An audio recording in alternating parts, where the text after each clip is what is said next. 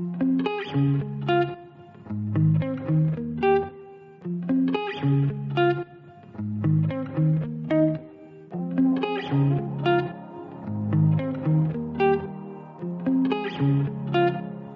och välkomna till avsnitt 31 av podcasten Träning. Ny vecka, nytt avsnitt och efter många om och men så lyckades vi hitta en tid att spela in på så här dagen innan avsnittet ska släppas. Ja, jag vill inte säga att det är typiskt oss, men det är ingen skräll kanske.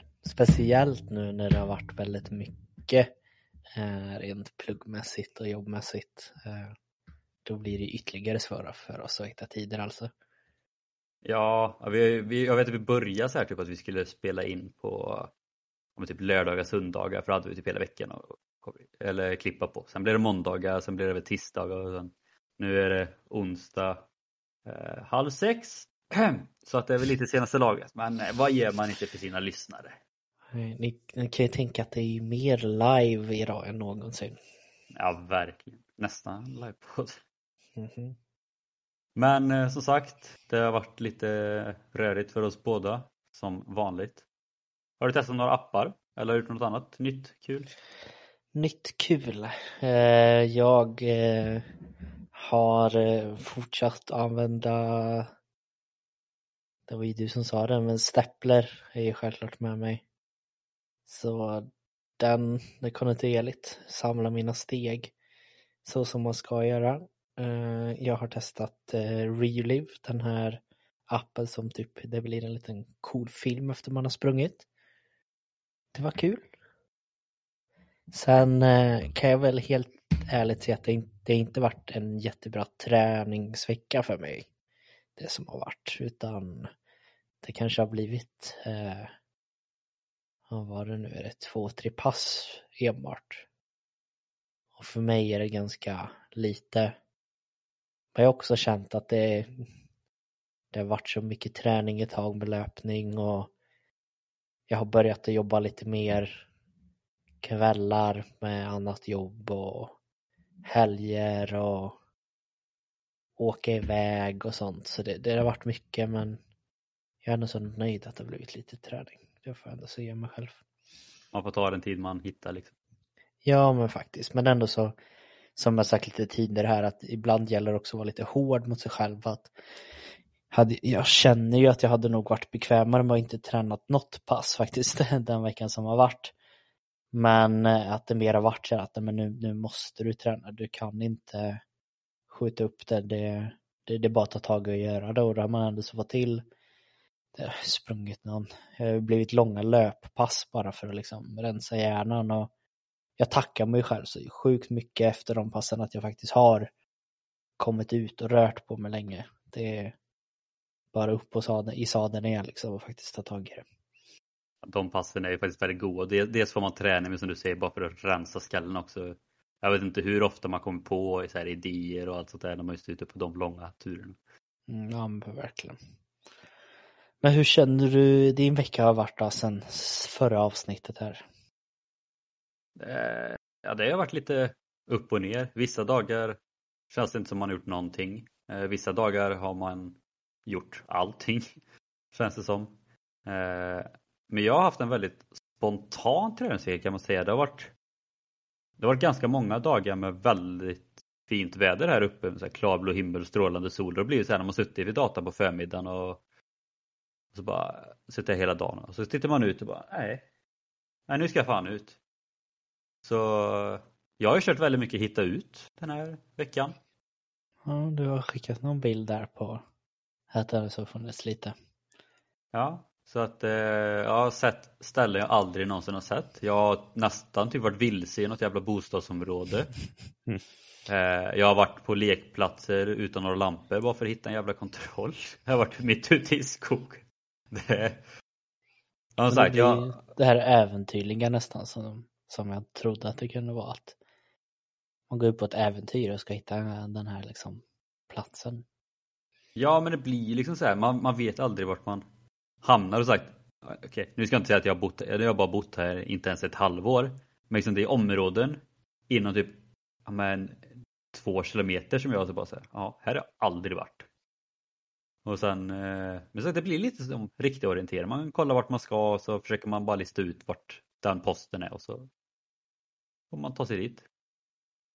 Så det, ja, men det är också väldigt kul just det att man inte, man inte är låst i ja, nu ska jag springa 2,5 km spåret och så vet man bara okay, nu är det en kilometer kvar eller någonting. Och man vet ju inte hur långt det är mellan kontrollerna heller utan man, man kollar vart första kontrollen är, letar upp den, kollar vart nästa är, springer dit och precis så är man eh, 5 km hemifrån.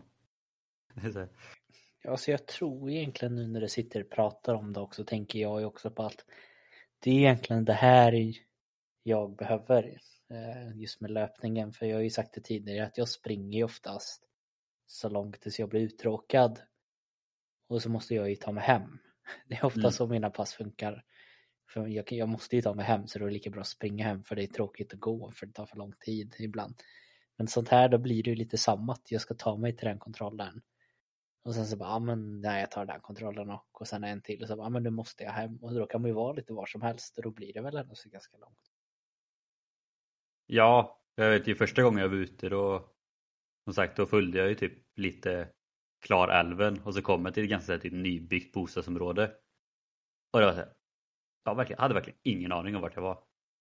Det är så här, aldrig någonsin varit i närheten där och så går man en gata och tror man vet vart man är men det visste man inte och sen till slut kommer man ut på en väg och då känner man igen sig. Fast man har ingen aning vart man egentligen varit. Så att, eh, ja, det var väldigt kul. Ni som lyssnar som tar med det, testa rätt om den och så. Det verkar ju som det är kul i alla fall så det kan vara värt att testa det. Verkligen. Men som sagt, jag tror ju att mycket till att jag ändå haft en rätt bra träningsvecka har ju berott som sagt mycket på vädret. Jag har ju märkt också de dagarna det har varit mörkt, eller någon dag när det har varit jättefint väder, jag bara, jag ska ut och springa sen, så tar det 30 minuter så är det kolsvart sen och då känner jag bara att nej. Nej, förståeligt. Det, det här med väder och hur det påverkar oss. Det är ju viktigt alltså. Det, det hänger ihop ganska bra faktiskt med dagens ämne. Eller hur Henrik?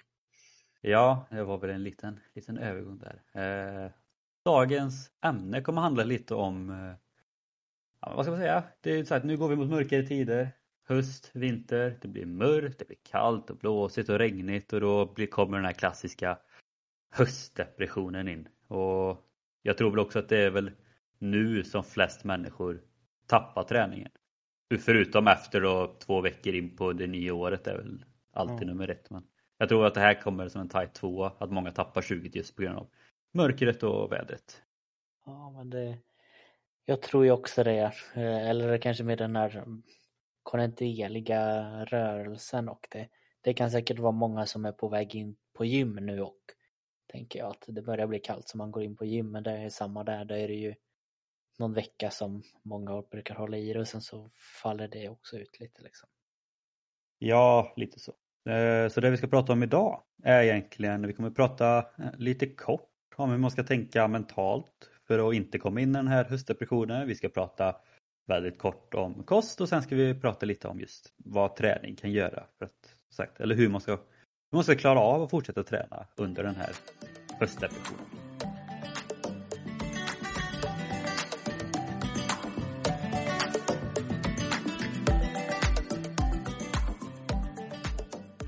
Och något man kan börja med är ju ändå så känner jag när jag börjar läsa om det här att det ser ändå så ut som många är ganska eh, överens om att det, det finns faktiskt något man kan, eller vad ska man säga, det, det är på riktigt, eller förstår du mig? Att när, när jag, när jag liksom läste det här då hade jag väl lite liksom den här att man har, ja nu kommer höstdepressionen igen. Att man, jag tog det kanske inte riktigt så seriöst även om jag kanske själv, jag känner ju av det här väldigt, väldigt mycket. Jag påverkas ju extremt mycket av när det blir mörkt. Men jag tänkte att ja, men det, det kanske inte är så farligt men det, det syns ju här att det är någonting som sker för rätt mycket folk just kanske då i Sverige när det blir så här pass mörkt att det påverkar den på flera olika sätt. Jag märkte det bara när vi, när vi har spelat de senaste gångerna, du, jag och även Natasha. Eh, och jag bara märkte det efter, var det typ tredje eller fjärde gången vi spelade. Och så här, jag kommer inte ens ihåg senaste gången någon av oss sa att vi haft en bra dag eller bra vecka eller någonting. Utan inget hade varit bra på väldigt länge där när vi pratade med varandra. Det, och då, det är vi inte bara just på grund av hösten men det spelar nog in rätt stor roll kan jag tro. Alltså det, det, det drar ju ner en. Det, det är ju den här standarden nu nästan att man åker till jobbet, det är mörkt och man kommer hem och det är mörkt. Eller för mig har det varit det nu att jag ser inte sol så mycket. Nej, och det är också så här, alltså tänker man då på sommaren, åker man till jobbet och har en seg, en dålig dag på jobbet. Men så kommer man hem, solen skiner, det är 30 grader och man bara kommer hem träffa familjen och bara, ah, ska vi ut och bada? Bara, ja men det gör vi. Så kan man typ släppa allting. Nu är det som du säger, det är möjligt när man åker till jobbet, man har en kanske dålig dag på jobbet så är det kolsvart när man kommer hem och alla är bara bittra och sura för allting. Men eh, hur kan man tänka då lite just eh, om vi börjar där med mentalt som du sa, finns det någonting som eh, forskning säger om hur man kan tänka eller hur ser det ut? Alltså grunderna är ju lite samma som vi har pratat om tidigare när det kommer till typ motivation och sånt. Eh, och det har egentligen både, framförallt med träning men även lite med, med jobb och allt sånt också Jag vi. Men om vi tar träning som exempel främst då så är det ju Tänk själv som sagt Varför tränar jag? Alltså har man något specifikt mål? Är det för att må bra? Är det för att det är kul? Är det för något specifikt lopp? Eller är det bara för att man tycker att det är, det är härligt liksom? För att den dagen man glömmer bort varför man tränar kommer man sluta träna. Mm. Och det är ju som vi pratade om tidigare också med liksom mål, att alltid ha något form av mål för då har man då vet man varför man tränar. Och Sen vet jag också att just med just depressionen så att många brukar alltid säga så här att ja, men, för att bli mentalt stark och för att minska depressionen så tänk positivt och ta bort alla de här onda tankarna och allt sånt där men vi pratade lite kort om det här innan. Jag är lite motsatsen där däremot för jag tycker att man måste kunna hantera de onda tankarna. Jag känner snarare däremot tvärtom när det kommer lite till mentalet. Har man en dålig dag och man verkligen inte känner att man vill träna ta tag i det och gör det ändå. Alltså så här, har du kommit hem, du mår skit och känner att du vill verkligen inte träna. Vissa dagar så ska man då inte göra det. Men om man då kommer iväg och lyckas göra det, då blir det lite som du sa det förut när du kommer iväg på den här långturen när du väl kommer hem sen. Man mår ju så jävla bra då. Då blir det också ett bevis på att man har ju övervunnit egentligen de dåliga tankarna och det dåliga måendet. Och sen efter man kommit hem då så mår man ju jäkligt bra och då kan man nästan njuta till det med att sätta sig i soffan med en filt och lite varmt te eller någonting.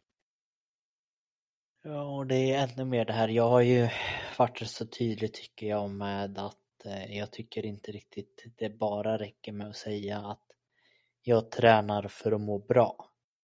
Det har ju jag lite fobi är väl fel ord men jag, tycker, jag tycker inte riktigt det är så. Ha. Du har nämnt det ett par gånger. Ja, ganska många gånger. Och jag nämnde det nog varje gång jag hade en ny klient på gymmet att nej, det för det. Vad är det du verkligen vill, vill jag komma fram till? För det, det, det, är så, det, det är ingenting, man bara, men för att må bra. Du måste ta reda på vad det är som får dig att må bra i så fall. Och det är ju bara att kolla på de som har det här kontinuerliga inbyggt i träning. De, de har ju kommit till det här att jag behöver träningen i mitt liv för att jag ska orka mer, för att jag inte ska bli sur, för att jag inte ska ha ont. Och då blir det ju mer eh, liksom saker som du kan ta på nästan. Att man känner att ja, men jag behöver det här annars så förlorar jag mitt humör och då blir jag sur och då, då blir allting tråkigt. Ja men då vet man det. Eller jag tränar för att inte ha ont i ryggen här. Och det, det blir så mycket enklare. Så man måste ju verkligen hitta de där grejerna eh, som ja, men vad ditt mål är på riktigt liksom.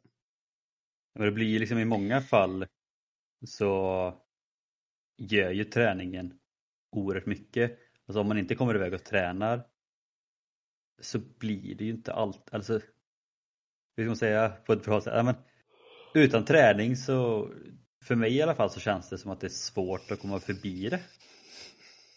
Just för att så det beror väl på lite vad man har för andra hobbys och sådär liksom men personligen så känner jag liksom att alltså, hade inte jag tränat, kommit ut och tränat, jag hade ju bara kommit in djupare och djupare i den här höstdepressionen och bara fått ännu svårare och svårare och komma iväg och göra någonting, alltså oavsett vad det är. Så att eh, se också träning lite som en belöning. Alltså det kan vara så, vad som helst. Alltså, om någon sagt, du mår dåligt och känner bara att jag vill inte träna. Så kanske bara, fast fan.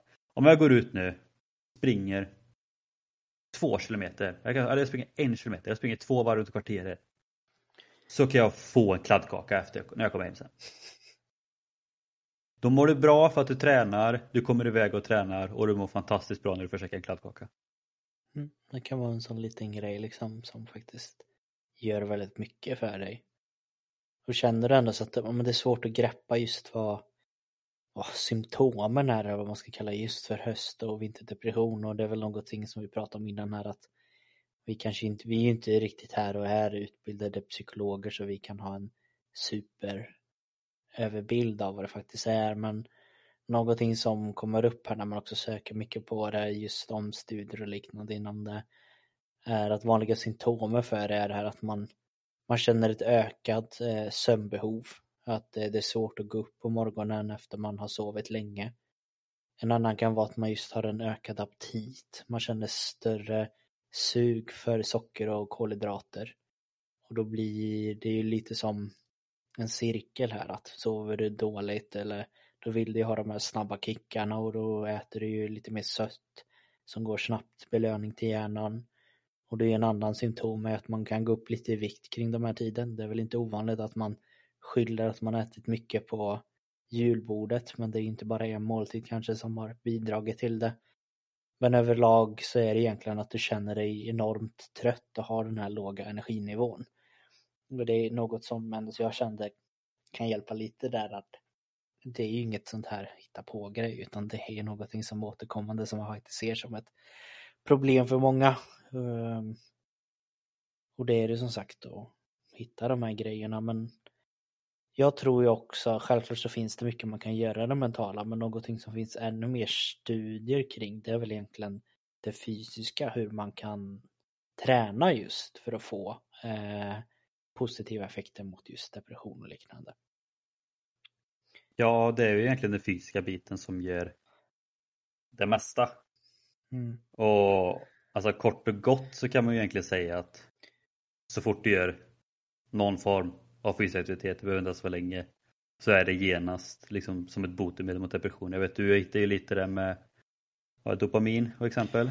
Ja, dopamin för er som inte vet det då, det är som det är kopplat till hjärnans belöningssystem och ger en upplevelse typ av euforia, eh, lustkänsla, att man liksom blir den här som kanske jag kände nu när jag äntligen kom ut på den här löpturen att wow, allting är fantastiskt, allting är bra, att den känslan får man ju och den ser man att den känslan kan komma ut eh, väldigt, väldigt snabbt. Det kan vara så lite som fyra minuters träning på högintensiv eller högintensiv träning gör att du liksom kan få ut de här, den här dopaminen och det motverkar ju liksom de här, vad kan man säga, bieffekterna man kan få när man är trött liksom att man kan ju vara, eh, ha svårt att koncentrera sig mot motivationen men då kan man få mer motivation och ha enklare att koncentrera sig. Utav som vi sa här, bara, bara fyra minuter med högintensiv träning så kan det redan där ge resultat. Jag tänkte på det bara när vi pratade om det här nu. Alltså, det är som ett belöningssystem och dopamin. Har du någon gång gjort någon träning eller varit iväg på något träningspass och känt efteråt Fan, jag skulle inte tränat. Uh... ja, det. Det är inte ofta i alla fall. Jag, jag tänker på samma sak för att även typ när man kör så här riktigt hårt fyspass som man bara vill spy typ. Mm. Alltså inte ens då känner man ju bara att när jag skulle stannat hemma. Alltså till och med då så är man ju verkligen glad Nej. och nöjd att man har gjort det. Det är väl kanske det här möjligtvis ifall man vet att man eh, som exempel, jag vet att jag har en ett stor grej som måste göras. Vi kopplar det till skolan till exempel, att om du vet att du har en stor uppsats som måste in och sen så väljer du att gå iväg och träna istället och sen så blir du ännu mer stressad för att ha mindre tid.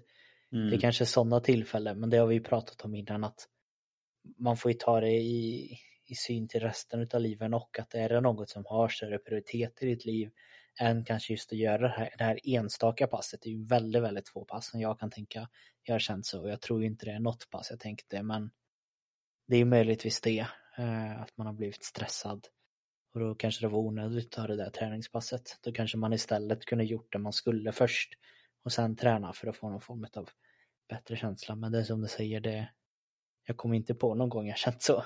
Men det, det, det kan säkert ha varit det någon gång. Mm. Nej, för det slog mig bara nu för att vi pratade om dopamin väldigt mycket, alltså både på gymnasiet och universitetet och allt sånt där och att det är just det här med belöning. Men man har ju aldrig egentligen tänkt på att men det bara slår mig nu liksom att så att för det är, alltid, det är ju näst, alltså till 99% alltid så jäkla gött efter ett träningspass. Alltså, man är så stolt att man kom ut och gjorde det och allt sånt där.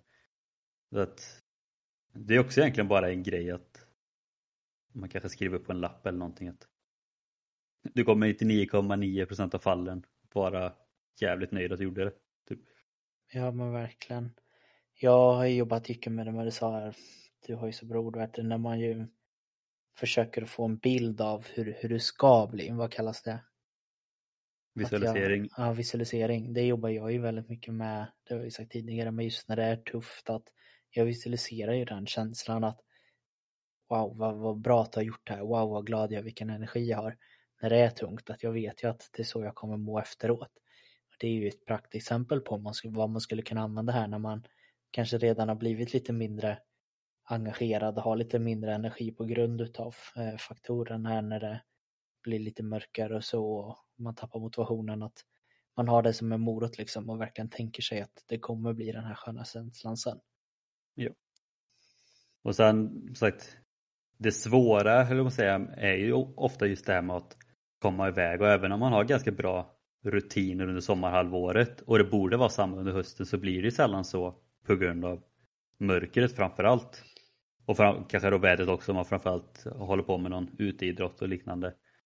Men just rutiner är också något som är väldigt viktigt att lyckas, lyckas man bibehålla rutinerna så är det ett stort plus för då ställer man återigen kroppen igen på att men det är så här, även fast det blir lite annorlunda för att kroppen blir också så här av mörkret att okej okay, nu ska vi gå hem och sova typ.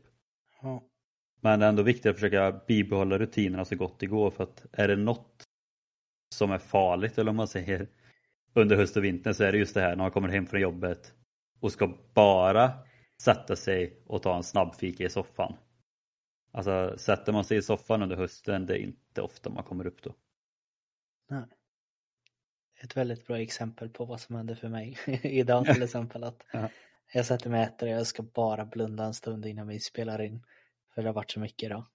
Somna med en gång liksom. Men jag kände mig ändå så inte utvilad utav sömnen. Så det är jättebra. Och just med det här med rutiner så kan det ju vara extra bra att vara extra tydlig på morgnar och kvällar med det här med just eh, ljus i hemmet. Det har vi, jag pratat om tidigare.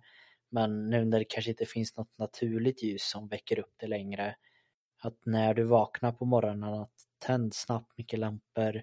Få det ljust hos dig för då blir hjärnan inställd på att nu, nu är det dags att vakna du kanske bibehåller tänt och tar nytta av det här att det kan vara lite mysigt att ha lite ljus och sånt men försök ändå så håll det relativt ljust ända fram till kanske en, två timmar innan du ska lägga dig och då kan du släcka ner för då, då ställer du in den här dagsrytmen även om du inte kan ta hjälp av solens ljus så kan du göra det själv hemma. Och det hjälper väldigt mycket just med sömnen som också blir liksom lidande av den här eh, höstdepressionen. Bara se till att släcka allting sen när man ska sova. Ja men verkligen. Och är det så nu att man känner bara att ah, men vad ska jag göra nu för träning då? Något som är jättebra är ju bara att tänka på den här kom ut-grejen. Du behöver inte tänka utan du behöver egentligen bara ta det till en punkt och gå. En annan jag tänker på är den här Wood-appen till exempel som jag eh, pratade om att där behöver du inte ens ta dig ut eh, utan du kan ju göra det hemma. Då kan du ju bara klicka på den här appen, få upp ett pass och det visar sig att det passet var på en kvart. Det kanske inte du tänker som träning men en kvart utav aktiv, väldigt intensiv träning är, det kommer bli tungt och du kommer kunna få resultat på det även och eh, även om man inte tror det. Plus att det ger alla de här liksom bra grejerna med dopaminet och även liksom endorfiner och allting. Att det, det, det, behöver inte vara så stort. Det är det jag vill komma till. Ja, alltså många av grejerna vi pratade om förra veckan är samma sak. Woodappen är ju perfekt, man kan göra det hemma, inomhus. Samma sak med den Nike Training Club. Det är också liksom typ som grupppass hemma, inomhus. Vill man ut så finns det sagt typ hitta ut och lite olika punkter eller en eh, zombie run som du pratade om blir lite, lite lek samtidigt eller vad man säger. Så det finns ju sagt från förra avsnittet finns det jättemånga olika appar man kan använda. Så om ni inte lyssnar på det avsnittet, gå in och gör det. Eh, en annan grej som också går att göra hemma om man har tillgång till löpande eller cykel är ju Swift som vi pratat om tidigare. Jajamän. Eh, som egentligen är för er som missat det är att man man fäster en, eh, den stegräknare man fäster va?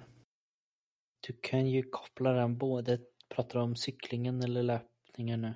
Ja, eller både och tänkte jag. Ja, man kan säga att det är någon form av stegvarvräknare som Ja. man fäster på. Springer du så fäster du den på skon. Cyklar du så fäster du det på cykeln. Till cykeln kan man oftast också behöva någon form av annat. Man kan ibland köpa en smart cykel eller så, men principen med den är ju detsamma både för löpningen och cyklingen att du hamnar i en virtuell värld eh, där du cyklar och den tar in att springer du tio steg på löpbandet och springer du tio steg på den här världen och cyklar du så här snabbt i så här många watt då går det så snabbt eh, på i världen och liksom det blir att du tar med dig träningen in väldigt eh, väldigt häftigt är det ju. Det är ju ett perfekt exempel om man är ja, men ett gäng polare, två eller tre eller fem eller någonting och så bara, ah, fan, vi, fan, vi ska inte gå ut och springa milen så snabbt vi kan imorgon. Eller? Och så visar det sig att det är åsk, okej, åsk, åsk kanske var ett dåligt exempel. Det är riktigt spöregn och blåsigt så här och så bara, ah, shit, men det är tråkigt att ställa in. Bara, men fan. Vi kan köra samma lopp på Swift istället. Om alla nu har tillgång till de möjligheterna eller om man kan göra det på ett gym också. Men då blir det ändå lite, men så här, lite där tävlingsgemenskapen om man vill det. Eller bara för att få lite, lite tävling på det.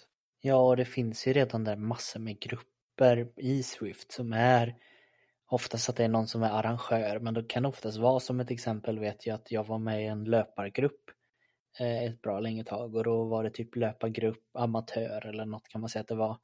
Och då var det att man sprang eh, tillsammans den här gruppen i ungefär en mil var det vi sprang i ett visst tempo.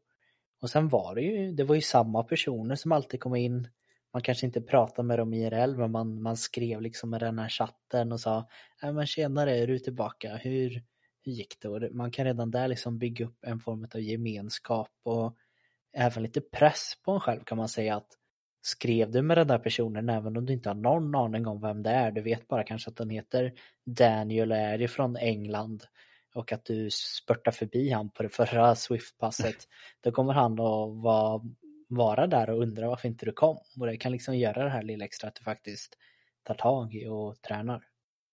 Men det är också en grej som jag tycker är Alltså det är lite samma sak som ett grupppass på gym. Man bildar en gemenskap med vänner. Det är samma sak som att hålla på med lagidrott. Alltså jag hade ju inte gått ut och sparkat en boll i höstregnet om det inte vore för att man spelar i ett lag liksom.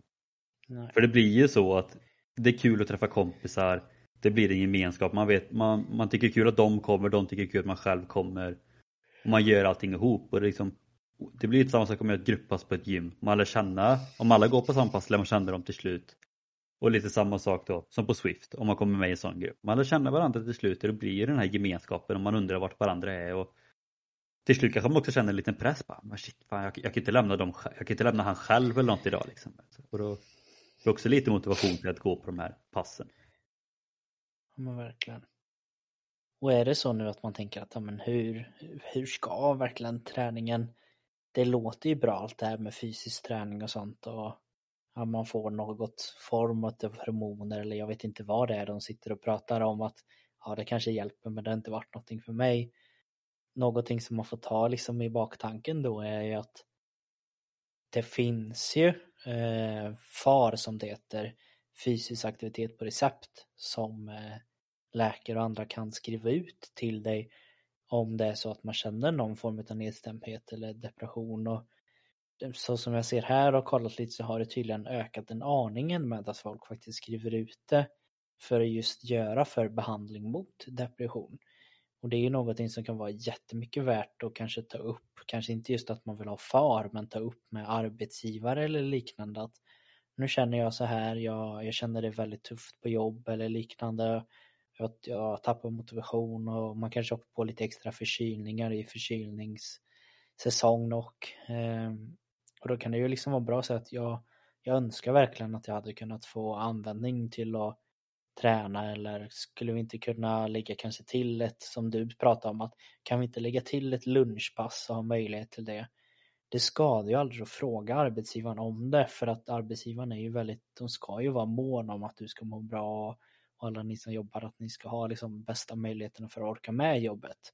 Och kanske om man lägger upp den här liksom och säger att jag vet med mig att jag brukar få det tungt just kring den här hösten. Jag önskar verkligen att ni skulle kunna lägga in någon form av fysisk aktivitet på lunchpass eller kanske innan eller jag vet inte hur de löser det då, då kanske de är lite mer mottagliga för om du lägger fram att det är någonting som sker och du vet att det ger bra eh, effekt med träning liksom.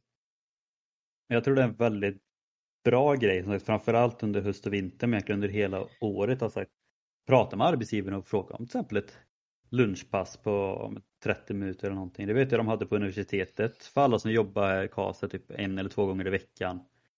Eh, och vet även på Gotia när jag jobbade där så fanns det liksom vissa eh, som drog till gymmet på lunchen och vissa som drog ut och sprang för att tiden fanns liksom. Vi hade väldigt lång mm. lunch för att man skulle ha tid liksom. Och jag tror ju att de flesta, så det beror helt på vad man har för jobb men jag har ju svårt att se att de flesta skulle säga emot det. Alltså det svåra för de flesta är väl sagt att hitta typ vem som ska hålla i det men så att nu är det så bra värld, det finns redan så mycket på Youtube och i appar och allting så det är bara att sätta upp. Om du själv på jobbet kanske känner att du vill testa på att hålla ett pass så är det grymt för då finns ju redan den kunskapen på eh, företaget. Då behöver man kanske inte hyra in någon som ska hålla pass. För det som du säger, alltså arbetsgivare ska ju vara måna om att folk mår bra. Och som sagt, framförallt nu under höst och vinter, många mår sämre och får man då in det så tror jag att det är mycket större chans att säga, mindre chans att folk sjukskriver sig och att de vill komma till jobbet för att man får med träning. Jag tror att många också känner sig att får de träningen på jobbet ja, då kan de bara chilla när de kommer hem sen för de har gjort dagens träning. Ja men verkligen. Jag är ju fortfarande, jag, jag hoppas ju verkligen att ännu tydligare att det ska bli mer en standard för arbetsgivare. Inte det här att man slänger ut eh, friskvårdspengar som aldrig används eller ger, ger dem en friskvårdstimme. Och, men det ligger så pass dåligt för de har klängt in en Nej, jag ska inte ta det mot mot. Men så här, att du, du, kan, du kan inte ta det för, för att du, det finns ingen plats att göra det. De har ingen möjlighet att duscha eller så utan de bara, äh, här ta en timme. Ja men okej, då får jag väl gå ut och gå då och det är alltid bra men om de hade tillåtit en att göra liksom träningen då, hade det, jag tror det hade ökat effektiviteten på alla jobb så extremt mycket. Och är det någon som sitter nu kanske, det är väl kanske framförallt då i Karlstad eller Skövde som kanske är, vad ska man säga, HR-ansvarig eller har något företag där man är lite sugen, då lovar jag att både jag och Henke skulle ju väldigt gärna komma ut och hålla i något sånt här eller bara hjälpa er att komma igång i alla fall. Ja men det hade ju varit skitkul. Men jag tycker ändå att det är lite konstigt på ett sätt för att jag vet inte om ni hade det, men alltså när vi gick i typ så här lågstadiet då hade vi någon, jag kommer inte riktigt ihåg vad det hette, hette det någon sån här dansgrej som vi alltid hade uppsatt på dörren. Som vi gjorde typ varje dag. Eh, jag har ingen aning om du ens vet vad jag pratar om. Men... Nej. Nej. Ja men det var något koncept i alla fall som fanns och så hade vi någon typ stor plansch och så fanns det så här typ med olika delar. Så bara, ja, idag kör vi den här delen och så hade man med någon CD-skiva. Så, gjorde, så det gjorde vi varje dag liksom under, när vi gick på lågstadiet. Och det är samma sak, de är alltid så måna om att vet du, i skolan, liksom ändå på gymnasiet så ska man ha nästan typ idrott varje dag för att man sitter stilla så mycket och barn måste röra på sig. Sen börjar man jobba och då är det typ bara, nej, nu är det inte så jävla viktigt längre. Precis, li precis Alltså nu när det lägger upp det, det pratas ju hela tiden om att som vi har, man ska ha aktivitetsrutor där de kan gå ut på lektionen och göra det här i fem minuter, det ska göra det här och det här och det här. För att de säger att barn måste kunna koncentrera sig. Men det är ju egentligen ännu viktigare för vuxna på ett sätt, för det är ju de som kanske är i större risk att få vissa former av eh, bieffekter, typ som sjukdomar och så, eller och ännu mer som arbetsgivare, att alltså blir det så att den som jobbar på ditt företag blir sjuk, då det blir ju en kostnad för dig och det är inte så att du tjänar på att den är borta utan det, det blir bara en större kostnad. Och det hade ju verkligen kunnat, det, man vet ju det så tydligt med träningen att det hade kunnat ge de här och de här effekterna. Menar, ja, det, hur, hur ofta är det inte som en som jobbar? Man vaknar, man sätter sig typ direkt i bilen, åker till jobbet, sätter sig på ett kontor, jobbar ett par timmar, sätter sig, käkar lunch, sätter sig tillbaka på kontoret, jobbar resterande timmar, sätter sig i bilen hem, sätter sig i soffan, lägger sig i sängen, sover. Men de ska inte få någon, eh, där är vi inte så hårda med att de ska få rörelse på jobbet men eh, skolbarnen, de, där är det jäkligt viktigt att vi ska ha en timmas idrott varje dag. Liksom. Det här är ju ett ämne som jag brinner för väldigt mycket nu och har ju en önskan om att få jobba väldigt mycket med och ändra liksom synen på hur man använder friskvårdstiden. Och jag hoppas verkligen att man, man, om man ska ta något positivt med just den här coronadelen, jag har ju sagt det tidigare, det här med flextider, att jag hoppas att det kan bli lite mer accepterat, att det kanske inte gör så mycket eh, att man jobbar lite olika på ett och samma företag om man ändå så gör sitt jobb. Och jag tror många känner att det kan nog vara skönt att ha lite flextider bara man har vissa antal timmar kanske som ska göras eller kanske till och med bara resultat. Att man ska hinna med det här för då då finns ju verkligen möjligheten att lägga in ett timmes pass på arbetstid för de som vill. Och då det, kan, det kommer ju verkligen kunna öka effektiviteten känner jag med. Nu när man ändå är inne med det här med politer och allting att man ska dra ner arbetsdagen en timme. Ja, det har man hade lika gärna kunnat lägga, slänga in en friskvårdstimme där istället. Jag tror det hade gett ännu bättre effekter det man tänker just med mindre jobb bara. Mm. Alltså jag vet ju hur seg jag är efter en tre timmars föreläsning på zoom och framförallt då om det har varit typ en hel dag på zoom. Och det är liksom så som många på kontor lever dagligen. Ja. Jag menar om jag har svårt för tre timmar, jag kan inte tänka mig att jag ska jobba 40 timmar så en vecka. Nej.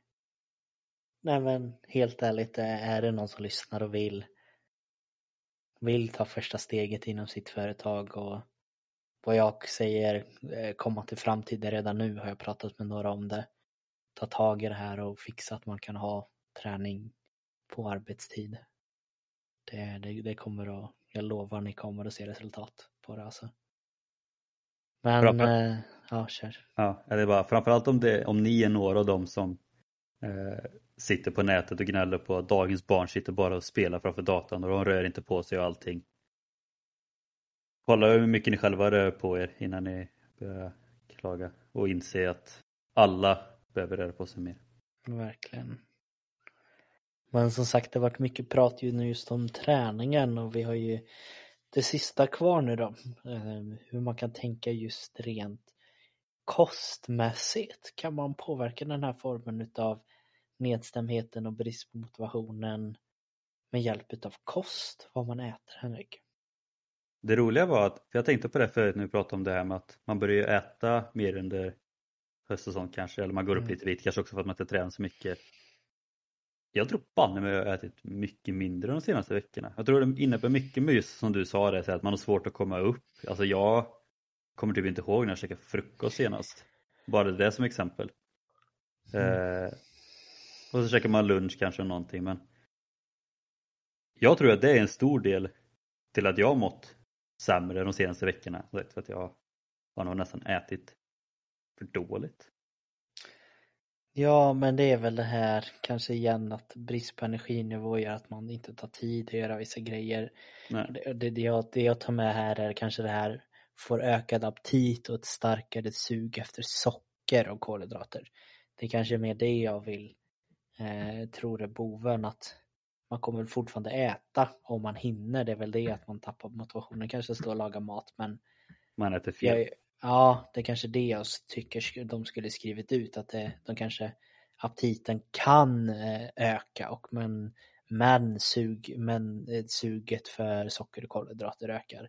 Och det är det jag tror att det är, att jag tror många kan känna igen sig att det blir enklare här att ta lite godis när man är hemma för man vill ha den här snabba kickarna, man tar den här läsken på jobbet för man vill få de här snabba kickarna och då blir det ju den här än en gång om man går tillbaka till barnnivå att man har ju vetat det här sedan barnen när man säger sockerfritt skola och sånt som man jobbar med att tar man de här pikarna då går man ju upp och ner, upp och ner, upp och ner. Man får de här topparna och de här dalarna men det är inget stabilt. Hade det bara varit så att även där får en tydlig kontinuitet i hur du äter och att du fortsätter äta nyttigt och kanske ännu viktigare när man redan har brist på motivation då måste ju den här kost kostcirkeln och allting eller hur man ska lägga upp det, det måste ju sitta. Annars så blir det ju ännu svårare. Sen det som många kanske tänker främst på så sagt, när det kommer till höst och vinter det är det här med att, eh, att solen försvinner och från solen så får vi mycket, mycket D-vitamin och, och det har ju alltid varit snack om det och sen sen man växte upp liksom att ah, vi här uppe i Norden behöver ju mer D-vitamin för att vi får ju så lite från solen för den finns ju inte här så jätteofta. Sen hittade ju du lite intressant information om just D-vitamin förut. Ja, alltså jag, det är ju alltid det jag har hört. Jag, säger, jag har ju sagt det till alla själv att nu är det visst på D-vitamin, får se till att få i dig. Men jag tror ju det, det måste ju hänga någonting i det, annars hade det inte kommit upp. Men om man ska vara väldigt ärlig så är det för det första så, så att det, sta, det saknas eh, breda representativa studier om D-vitaminnivåer i blodet hos svenskar. Eh, det hade kanske behövts göra ännu tydligare just om större forskningar på det här som med allting men det är ju tid och pengar som gör det. Eh, det, det finns vissa av de här studierna som faktiskt har pekat på att för vissa grupper så finns det ett ofriställande exempel. Eh, ett exempel är hos vissa eh, äldre men även invandrargrupper. Det är väl egentligen där man har kunnat se att det kan finnas någon form av brist just på D-vitaminnivåer och det hänger väl framförallt till att äldre generellt sett har svårare att få i sig mat och den näring som behövs. Och tar man just med invandrargrupper så är det ju för att om man bara talar för mig själv där till exempel att jag, jag har annan form av hudfärg vilket gör att jag har andra pigment, jag har ett annat behov av att få i mig just eller få sol på mig för att kroppen är så van vid det under så lång tid. Så det är väl där man har sett det men om man kollar liksom i samband med till exempel Livsmedelsverkets nationella undersökningar av vuxna svenskars matvanor. Där såg man att det, det kanske var någonstans kring 20 procent av de här deltagarna och det var en större eh, liksom undersökning som hade någon form av eh, ooptimal nivå. Det var inte så att de hade en dålig nivå ens de skrev ut utan det var liksom ooptimal lite under vad de kanske hade rekommenderat. Eh, men det är fortfarande under så det, det kan väl ändå så behövas kanske ta i sig lite D-vitamin men jag trodde att det skulle vara ännu lägre i och med att det är det enda man har hört hela tiden. Det är väl bara att säga som vi pratar om, ja, men framförallt när vi pratar om kosttillskott och sånt liksom att innan man säger att man är i behov av någonting eller innan man börjar ta en massa tillskott och sånt så ta reda på om det verkligen är i behov av det. Ja men verkligen, det är inte bara kanske lita på alla och sen trycka i sig grejer. Men jag, jag kan ju säga, vi skämtade om det lite innan, men det finns, jag tror det finns en, en specifik superdryck som man kan tacka, i alla fall många svenskar kan tacka för som vi, anledningen till varför vi faktiskt får i oss rätt bra med vitaminer utan att man tänker på det. Och den här superdrycken är kanske inte något som jag är jättebra på att dricka men Ja. Jag, jag tänker du får, du får äran att säga vad det är, vad du är så duktig på att få i det. Mjölk. Mjölk. Riktigt bra mjölk. Men det är kanske inte många som vet det, men jag tror vi har nämnt det förut någon gång att mjölk, i och med att man har vetat sedan tidningar att svenskar har generellt svårt, eller vissa former utav eh, vitaminer har vi lite svårt att få i oss till exempel, eh, som D-vitamin eller andra grejer så har mjölkindustrin ändå gjort ett väldigt bra jobb där att det har det finns eh, de här vitaminerna i. Man har till och med tillsatt det vissa tillfällen bara för att öka liksom intaget utav de här vitaminerna som vi behöver. Så med det vill vi egentligen bara säga, drick mjölk. Ja, men faktiskt. Stötta våra bönder. Ja, men det får man säga, stötta våra svenska bönder. Det kollar man annars överlag vad man kan tänka på kostmässigt. Det är det är inte så mycket mer utan vi, vi äter ganska bra faktiskt. Det är väl det här än en gång trycka på att ta inte de här snabba fixen med att äta den här godisen utan ät en stadig kost och håll dig på det.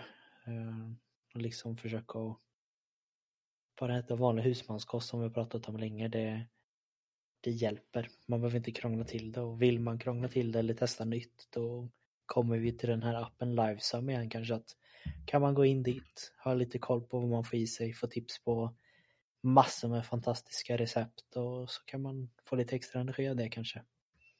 Men det är ju lite som, lite som en fysisk aktivitet om man säger, alltså rutiner. Mm. Behåll även rutinerna inom, inom maten. Alltså för, försök att käka frukost, mellanmål, lunch. Någon frukt, mellanmål, middag eller så här. Jag kanske, jag kanske inte är den bästa personen att komma med just det här tipset för jag själv är oerhört dålig på att hålla rutiner inom maten. Men, men det är ju det. Det är ju för att jag aldrig haft rutiner inom det som det har blivit så, mm. så att, Man säger ju alltid att rutiner inom jobb är viktigt, rutiner inom skola är viktigt, rutiner inom träning är viktigt, men rutiner inom kost är minst lika viktigt. Ja. För det är samma sak där, man lär, kroppen lär sig också då liksom att För så vet jag när jag jobbade mitt sabbatsår efter studenten Kroppen lärde sig liksom att Ja, nej, nu är det dags för frukost. Nej, nu är det dags för lunch. Nu får du sluta jobba liksom. Och... Så kroppen vänjer sig ju, ju mer bättre rutiner man får in. Ja, och samma där. Ibland är det bara att göra faktiskt. Se att det det är för långsiktigt kan man ju tänka att slarvar jag mycket med allt nu, även kosten, då, då kan det ju bli det här att när man är äldre kan man få problem och jag talar väl för mig själv, men jag tror många känner att det hade varit kul att inte vara sängliggande när man är eh, äldre, utan jag har ju tänkt att leva livet när jag är pensionär där och sitta och gamea hela dagarna och, trä och träna liksom. Det, jag leva livet, sitta och gamea. ja, men jag tror det kommer vara livet. Gamea, träna, åka ut och spela bollturneringar. Det kan inte bli bättre. Men det är som vi sagt många gånger tidigare, alltså allt hör ihop. Mm. Det är som en cirkel. Ja. Men om man ska sammanfatta lite kort då så kan man väl säga Tänk ut varför ni tränar, alltså sätt upp ett mål eller liksom hitta motivation till varför ni gör det. Se till er chef att ni ska ha lunchpass och drick mjölk. Ja, gör man, det, gör man det väldigt kort ska man göra det ännu kortare så bibehåll dina rutiner. Försök att bibehålla rutinerna du hade under sommaren när du mådde som bäst kanske. Om man tycker att man mådde som bäst vid sommaren att jag gjorde det här och det här och det här. Det går ju fortfarande att göra de sakerna mycket. Det kanske, eller det går att göra saker. Hade du velat bada så hade det ju gått. Och det finns ju många faktiskt positiva effekter med att göra de här isvaksbaden. Men jag menar liksom att tycker du att det var trevligt att gå ut och sitta eh, på en servering och göra det här och det här ja, du kanske ändrar dig istället mot att sitta och ta en kaffe och ta på dig rätt kläder och så kan du fortfarande umgås utomhus och ha det här sociala allting. Du behöver inte stänga in det bara för att det blir kallare utan försök att bibehålla rutinerna. Och som den lag, lagmänniskor vi är så alltså pusha varandra. Så har du en sambo familj, se till att hjälps åt och komma ut och träna på jobbet, kompisar, vad som helst. Man kanske kan starta en familjeutmaning, en jobbutmaning eller någonting bara för att hjälpa alla och bibehålla träningen. Ja. Och med de orden då så känner vi att vi har tagit det här ämnet nu på en lite grundlig nivå i alla fall. Och det är ju som vanligt att är det så att man tycker att det var bra eller har några andra önskemål eller liknande vad vi ska prata om i denna podden så är det ju alltid bra att gå in och följa oss på Instagram. Där går vi under Traning Podcast och där så ställer vi lite frågor och även uppdaterar kring gäster och liknande. Så där får ni gå in och följa oss. Jajamän. Och sen drar vi en liten påminning då för de er kanske lite yngre än en gång att vi har ju en TikTok där det fortfarande står eh, Traning Podcast där vi lägger upp lite highlights och lite annat Eh, så att du kan gå in och kolla vad vi gör, hur vi kanske tränar eller så. Även äldre får gå in och... Även äldre får faktiskt, om ni vill så får ni gå in på TikTok och följa oss. Eh, annars så tänker jag att vi, vi tackar för oss och tackar er som har lyssnat och vi önskar er en fortsatt trevlig och bra dag. Det gör vi. Ha det gött. Bye bye.